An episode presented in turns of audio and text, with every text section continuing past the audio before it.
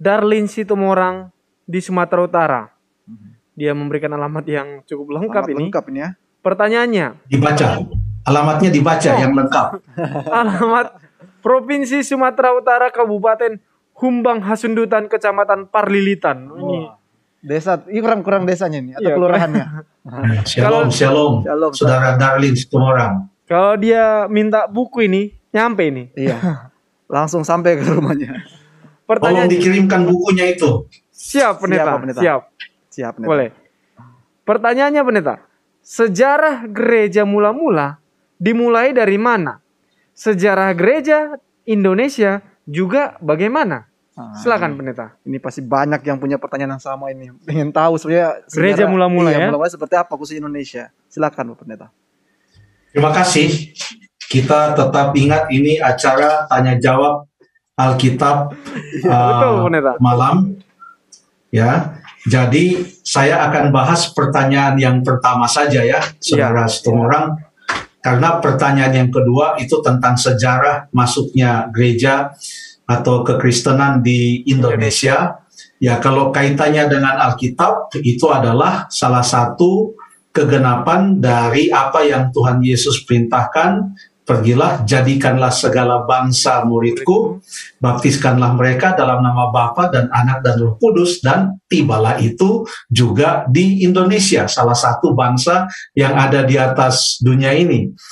Ini adalah juga kegenapan dari apa yang Tuhan katakan dalam Matius pasal yang ke-24 ayat yang ke-14 dan Injil kerajaan ini akan sampai kepada seluruh bangsa menjadi kesaksian bagi mereka barulah kemudian tiba kesudahannya. Jadi sudah sampai di Indonesia, puji Tuhan.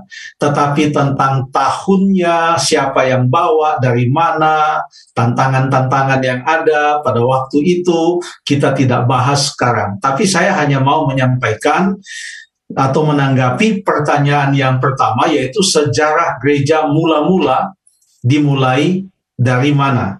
Oke? Coba kita baca beberapa ayat di dalam uh, Alkitab kita. Yang pertama, kalau boleh kita buka di dalam Mazmur pasal yang ke-107 ayat yang ke-32.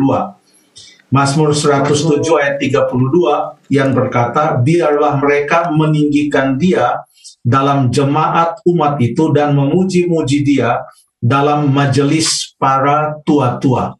Jadi orang Israel pada zaman perjanjian lama sekalipun mereka telah disebut sebagai jemaat.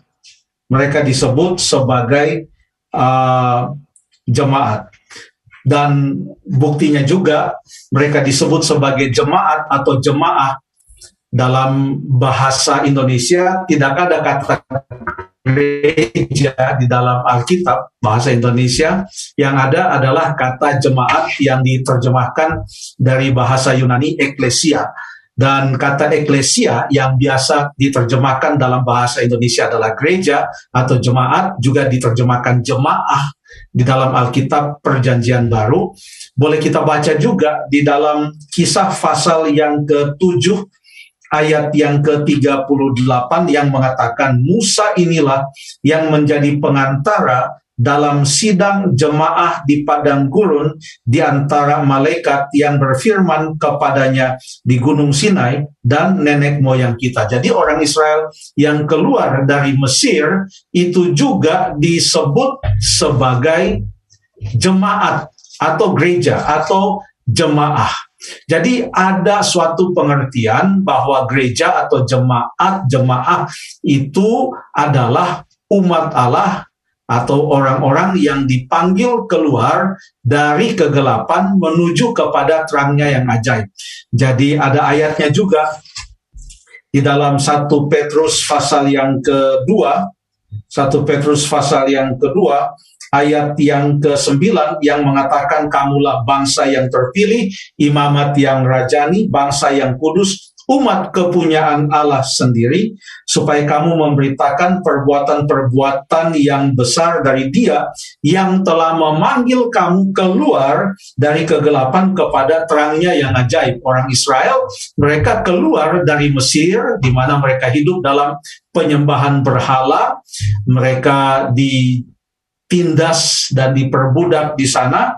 Mereka hidup dalam kegelapan rohani. Mereka dipanggil keluar. Musa katakan kepada Firaun, biarkanlah umatku pergi. Tuhan katakan melalui Musa kepada Firaun, let my people go. Mereka harus keluar untuk menyembah Allah. Dan mereka keluar dari Mesir pada akhirnya peristiwa uh, Exodus. Jadi istilah jemaat atau gereja itu kalau mau menggunakan istilah gereja itu sudah ada bahkan di perjanjian uh, lama. Nah, sementara di dalam perjanjian baru lebih jelas lagi, apalagi kalau kita baca buku kisah para rasul setelah Tuhan Yesus naik ke sorga, sebagaimana yang ia sudah perintahkan kepada uh, murid-muridnya untuk mengabarkan Injil, maka mulailah kata gereja atau jemaat itu digunakan lebih sering lagi, apalagi di dalam uh, kitab kisah para rasul yang menggambarkan berkembangnya jemaat atau gereja itu dari yang hanya sedikit orang kepada begitu banyak orang. Mungkin kita baca beberapa ayat dari kisah para rasul. Saya sekarang buka buku kisah uh, para rasul, kita tahu bahwa setelah Tuhan Yesus naik ke sorga, ada 12 orang muridnya, dan setelah dia naik ke sorga, maka mereka yang melihat dia naik ke sorga itu, mereka kemudian kembali ke Yerusalem di pasal 1 ayat yang ke-12, maka kembalilah rasul-rasul itu ke Yerusalem dari bukit yang disebut Bukit Zaitun yang hanya seperjalanan sabat jauhnya dari Yerusalem. Lalu disebutkan siapa-siapa mereka itu, bahkan bukan hanya murid-muridnya. Di dalam ayat yang ke-14 dikatakan, mereka semua bertekun dengan sehati dalam doa bersama-sama dengan beberapa perempuan serta Maria ibu Yesus dan dengan saudara-saudara Yesus. Jadi cukup banyak yang berkumpul pada saat itu lalu kemudian setelah itu maka uh, pada kisah pasal yang kedua pada hari Pentakosta di mana saat itu orang-orang Yahudi yang ada di luar daerah Israel atau di luar Yehuda mereka kembali ke Yerusalem dari berbagai tempat. Lalu di situlah kita tahu bahwa uh, Petrus berkhotbah dan pada saat itu uh, Tuhan Allah menambahkan jumlah dari orang-orang yang dibaptiskan sangat banyak jumlahnya, bahkan menurut kisah pasal yang kedua, ayat yang ke-41 pada hari itu, ya, yang memberi diri mereka dibaptis, jumlah mereka bertambah kira-kira 3.000 jiwa. Kira-kira 3.000 jiwa. Lalu pasal 4 uh, juga menceritakan bahwa kemudian bertambah bukan hanya 3.000 jiwa, tapi bertambah menjadi 5.000 jiwa. Uh, pasal 4 ayat yang keempat mengatakan jumlah mereka menjadi kira-kira 5.000 orang laki-laki. Nah mereka ini disebut sebagai jemaat di dalam pasal yang kedua, pasal yang ketiga, pasal yang keempat sudah mulai digunakan istilah jemaat atau eklesia. Coba kita baca beberapa ayat. Pasal 5 ayat yang ke-11 menggunakan istilah jemaat juga yang mengatakan maka sangat ketakutanlah seluruh jemaat dan semua orang yang mendengar hal itu. Ada kata jemaat di sana. Pasal yang ke-6 Ayat yang kelima juga mengatakan usul itu diterima baik oleh seluruh jemaat lalu mereka memilih Stefanus. Pasal 5 tadi tentang Ananias dan Safira yang sudah berjanji memberikan persembahan di kaki para rasul tetapi mereka berdusta. Mereka tidak memberikan semua seperti yang mereka sudah janjikan. Jadi di sana pada waktu jemaat berkumpul ada yang ada persembahan diberikan lalu kemudian di pasal yang kedua dan pasal yang keempat menceritakan bagaimana mereka berkumpul bersama-sama sehati, mereka memecah-mecahkan roti, mereka makan bersama, mereka berdoa, mereka bersaksi, mereka saling menguatkan satu dengan yang lain. Jadi ada firman Tuhan, lalu kemudian ada doa, ada persembahan, ada bersaksi, lalu mereka juga mengabarkan Injil dengan sangat giat. Bahkan bukan hanya itu, di pasal yang ke-6, bahkan ada kegiatan-kegiatan sosial yang dilakukan oleh jemaat untuk melayani orang-orang yang berkekurangan. Jadi semakin berkembanglah apa yang dilakukan oleh gereja atau oleh jemaat dan inilah yang dikenal sebagai jemaat yang mula-mula tidak disebutkan apa nama dari jemaat itu tetapi ini adalah jemaat yang betul-betul apa namanya uh, mengikuti semua yang Tuhan Yesus ajarkan kepada mereka dan mengikuti uh, akan ajaran-ajaran kitab suci. Nah, setelah itu pada waktu jemaat sudah makin banyak dan uh, konsentrasinya adalah di Yerusalem, tetapi sesuatu terjadi dan dikatakan dalam kisah pasal yang ke-8 ayat 1b dan ayat yang keempat saya baca kisah pasal 8 pada waktu itu mulailah penganiayaan yang hebat terhadap jemaat di Yerusalem. Mereka semua kecuali rasul-rasul tersebar ke seluruh daerah Yudea dan Samaria. Jadi di sini ada kata Yerusalem, lalu tersebar ke Yudea, lalu kemudian ke Samaria.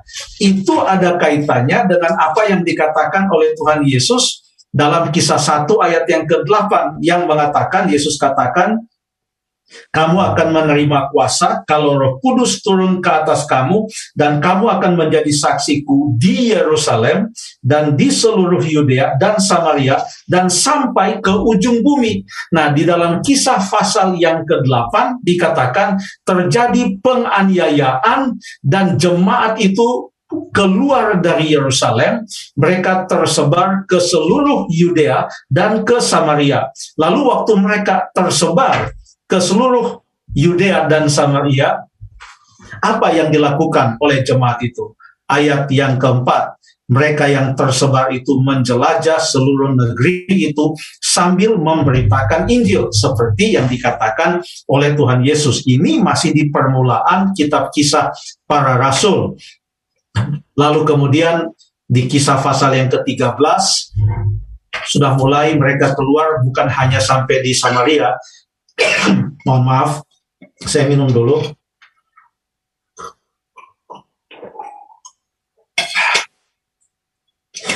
Bukan hanya sampai di Samaria, tetapi di dalam kisah pasal ke-13, Paulus dan Barnabas sudah diutus lalu mereka pergi sampai ke daerah-daerah Galatia itu sudah masuk ke sudah dekat-dekat dengan Asia kecil, sudah mulai makin luas bahkan di kisah pasal yang ke-28, pasal yang terakhir sudah sampai ke Roma. Jadi kitab kisah menggambarkan bagaimana jemaat yang mulai di satu tempat dengan sekumpulan orang yang sangat sedikit, murid-murid Yesus berkembang menjadi lebih banyak dan lebih banyak dan bukan hanya jumlahnya tetapi secara geografis mulai tersebar. Dan itu sesuai dengan apa yang diperintahkan oleh Tuhan kepada murid-muridnya yaitu menjadikan murid Yesus segala bangsa. Itulah permulaan daripada uh, gereja atau uh,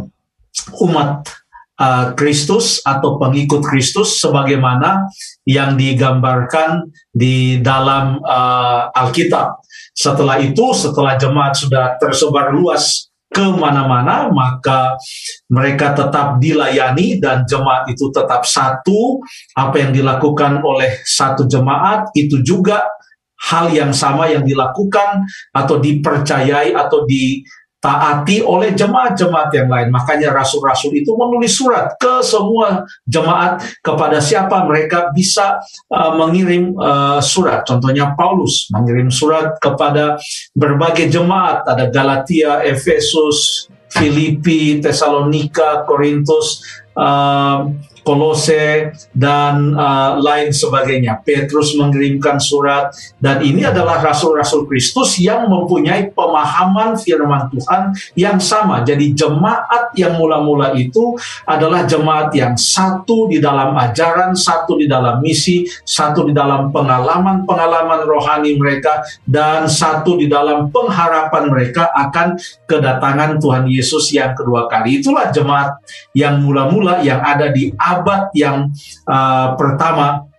seperti yang digambarkan oleh Alkitab waktu Yohanes mendapatkan penglihatan di Pulau Patmos itu kurang lebih tahun 95-96 AD maka ia pun mendapatkan perintah oleh Yesus Kristus untuk menulis kepada jemaat-jemaat yang ada di Asia Kecil. Ada jemaat Efesus, Smyrna, Pergamus, Tiatira, Sardis, Philadelphia, Laodikea. Jadi jemaat makin tersebar ke mana-mana sampai pada saat ini. Jadi uh, biarlah ini menolong kita untuk memahami bahwa demikianlah bagaimana jemaat atau gereja itu berkembang pada abad yang mula-mula. Terima kasih.